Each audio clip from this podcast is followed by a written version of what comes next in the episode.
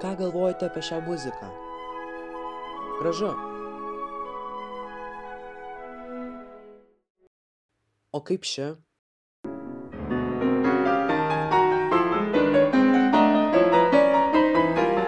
Triukšmas, kakofonija, nesąmonė, ne muzika. Kažkas panašaus, kas grotų katė, netyčia užlipus ant pianino klaviatūros. Bet šios natos nėra tokios atsitiktinės, kaip atrodo iš pradžių. Tam, kad suprasti, kodėl čia skamba, kabutėse, ne muzika, reikia suprasti, kas muziką padaro muziką. Ir tam, kad tai padarytumėm, mums reikia suprasti, kaip mes iki čia nusiritom. Nuo pat žmonijos pradžios žmonės norėjo skleisti garsus. Pirmą jie pradėjo kalbėti, dainuoti, spraksėti, tada pastebėjo, kad sutrenkus pagaliukus išeina garsas, sutrenkus akmenukus išeina garsas, bet ką sutrenkus išeina garsas. Ir taip gimė muzika.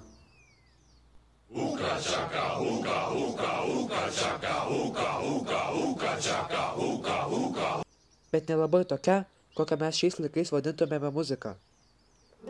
Laikam besikeičiant, keitėsi technologijos.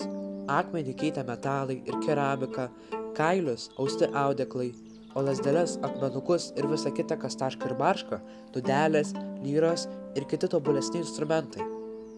Atsiradus tobulesniems instrumentams, tobulėjo ir muzika. Žmonės galvoja, kad muziką žmonėms padovanojo dievai, bet kai kurie norėjo tikslesnio atsakymo. Senovės graikų filosofas Pitagoras, eidamas išgirdo kalvius, savo plaktukais kalančius metalą. Kadangi, kaip anksčiau sakiau, bet ką trenkiant vieną į kitą gaunasi garsas, tai ir plaktukais kalant metalą išeina garsas. Bet Pitagoras stebino tai, kad vieni plaktukai kalami kartu skambėjo gražiai, o kiti ne. Įsidėmėkite šią frazę - skambėjo gražiai, nes ji bus labai svarbi tolimesnėme pasakojime. Norėdamas sužinoti, kodėl vieni plaktukai kartu skamba gražiai, o kiti ne, Pitagoras nuėjo į kalbę. Jis išsiaiškino, kad esmė slypi plaktukų svorių santykyje. Plaktukai A ir D skambėjo gražiai, nes jų santykis buvo vienas prie dviejų.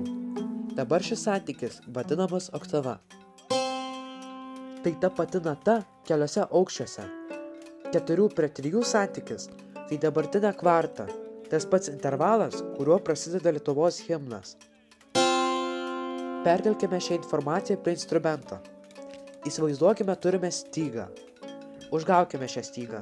Gauname štai tokį garsą. Prispauskime pirštus stygos vidurį. Dabar užgaukime vieną pusę. Vieną antrąją stygos. Ir gausime štai tokį garsą. Tai ta pati oktava. Pažvelkime į tą patį procesą matematiškai. Nata do yra 261 Hz. Hercai tai kiek kartų, sakyk kaip styga, suvibruoja kartų per sekundę. Dabar padauginkime 261 Hz iš dviejų. Gausime 522 Hz. Gausime oktavą.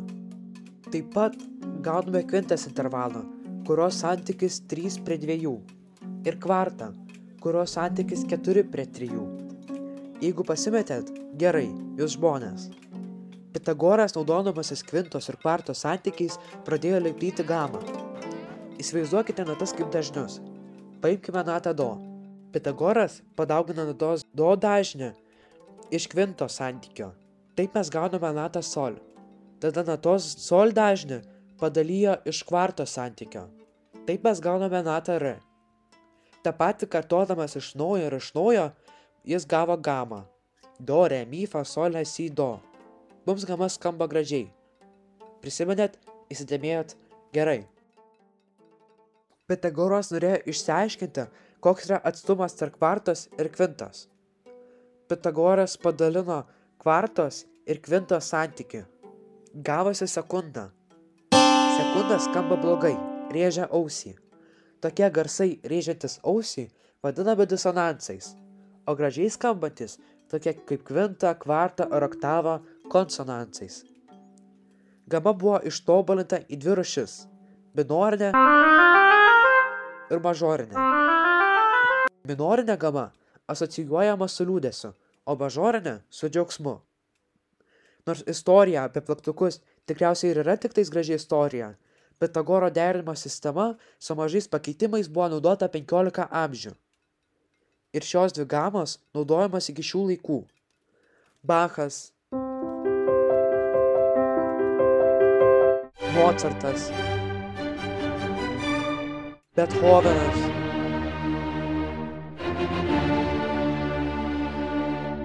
Šumanas, Ariana Grande,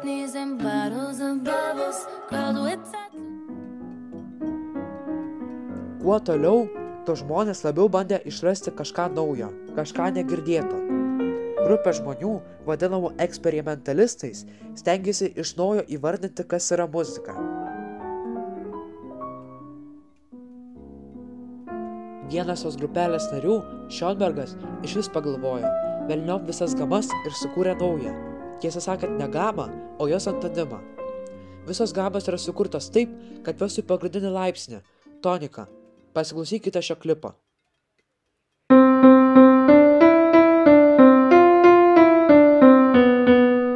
Jis atrodo neužbaigtas, bet kodėl? Dėl to, nes jis neišsiraša į toniką. Pasiklausykite šio klipo.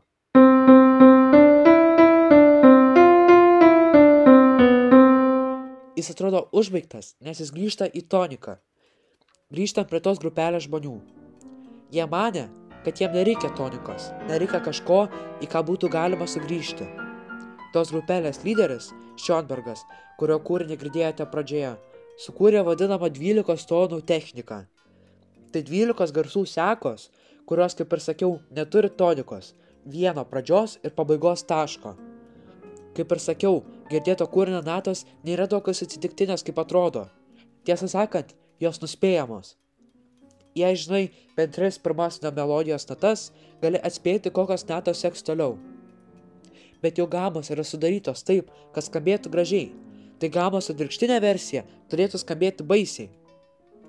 Šionbergas tikėjo, kad gražiai sudėliotos gamos mums skamba gražiai ne iš prigimties, o mes išmokome jas mėgti.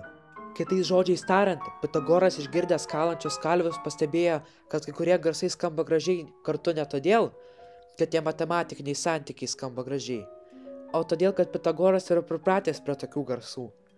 Gal mes esame pripratę mėgti Mozartą, Brahmsą, Arianą Grande, nes visą gyvenimą girdėjome panašią muziką, o Šionbergas mums keistas ir nesuprantamas.